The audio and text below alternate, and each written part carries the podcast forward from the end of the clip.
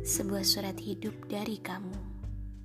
Sekumpulan jeritan hati yang terpendam, sederet pertanyaan yang tak terungkap. Terima kasih karena sudah jujur. Terima kasih karena sudah berani berbagi.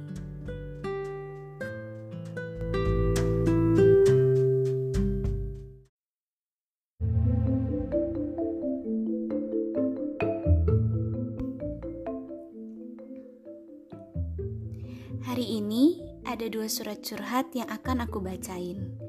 Surat curhat yang pertama dari anak baik. Kak, kalau pernah hamil di luar nikah, sedangkan aku nggak bisa nikah sama orang yang menghamili aku ini, karena aku nggak tahan sama sikap dia. Solusinya gimana ya kak? Tetap lanjutin karena udah ada jejak, atau tinggalin aja?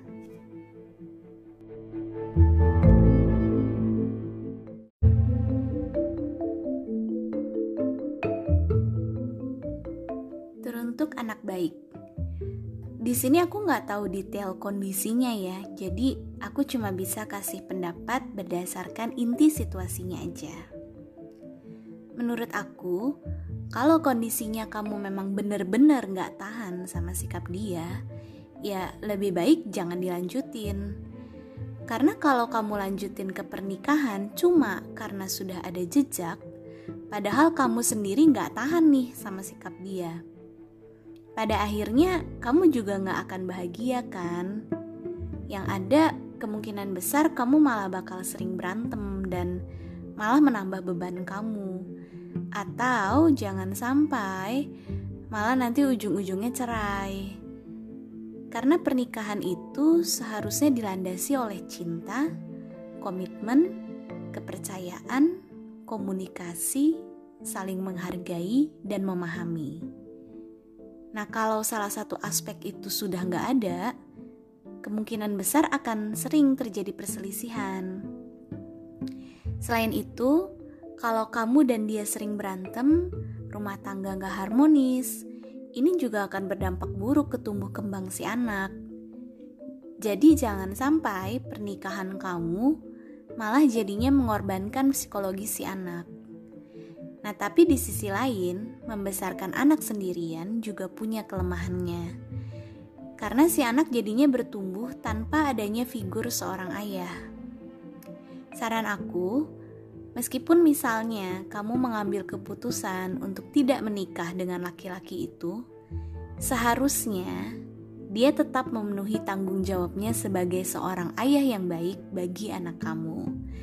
Masalah pembagian tanggung jawabnya seperti apa? Itu adalah keputusan kalian berdua sebagai orang tua. Di sini aku nggak bisa kasih saran apa-apa soal pembagian tanggung jawab, karena aku dalam hal ini adalah orang luar. Pembagian tanggung jawab ini harus didiskusikan oleh kalian berdua bareng-bareng, dipertimbangkan baik-baik, dan diputuskan bersama-sama. Jadi begitu pendapat aku untuk curhatan kamu ini. Moga-moga jawaban aku bisa membantu kamu. Untuk surat curhat yang kedua dari Edogawa.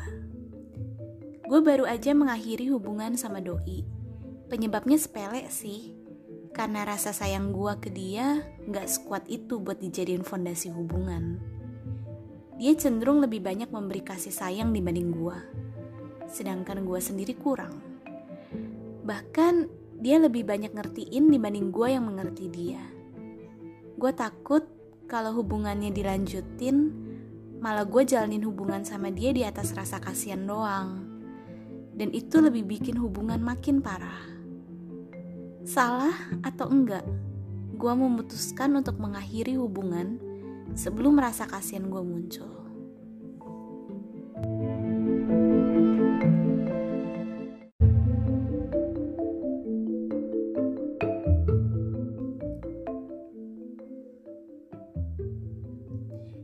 Teruntuk Edogawa Menurut aku sih nggak salah Kenapa?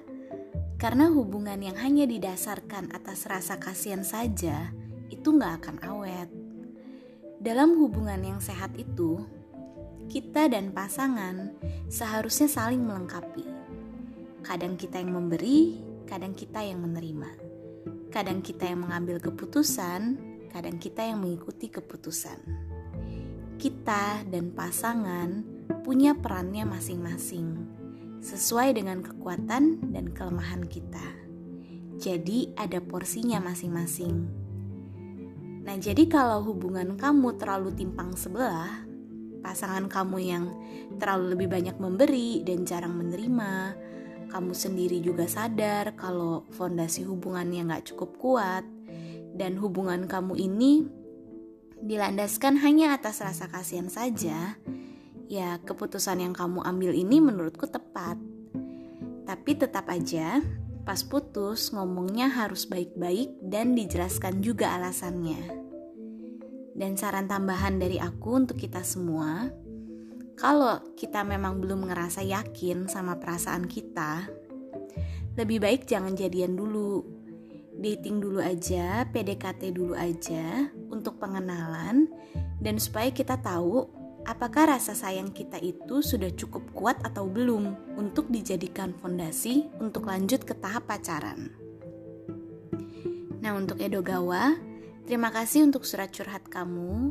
Semoga ini bisa menjawab pertanyaan kamu. Dan terima kasih juga buat kalian yang udah dengerin podcast ini. Semoga dengan ini kita bisa bertumbuh bersama-sama. Sampai jumpa di episode selanjutnya.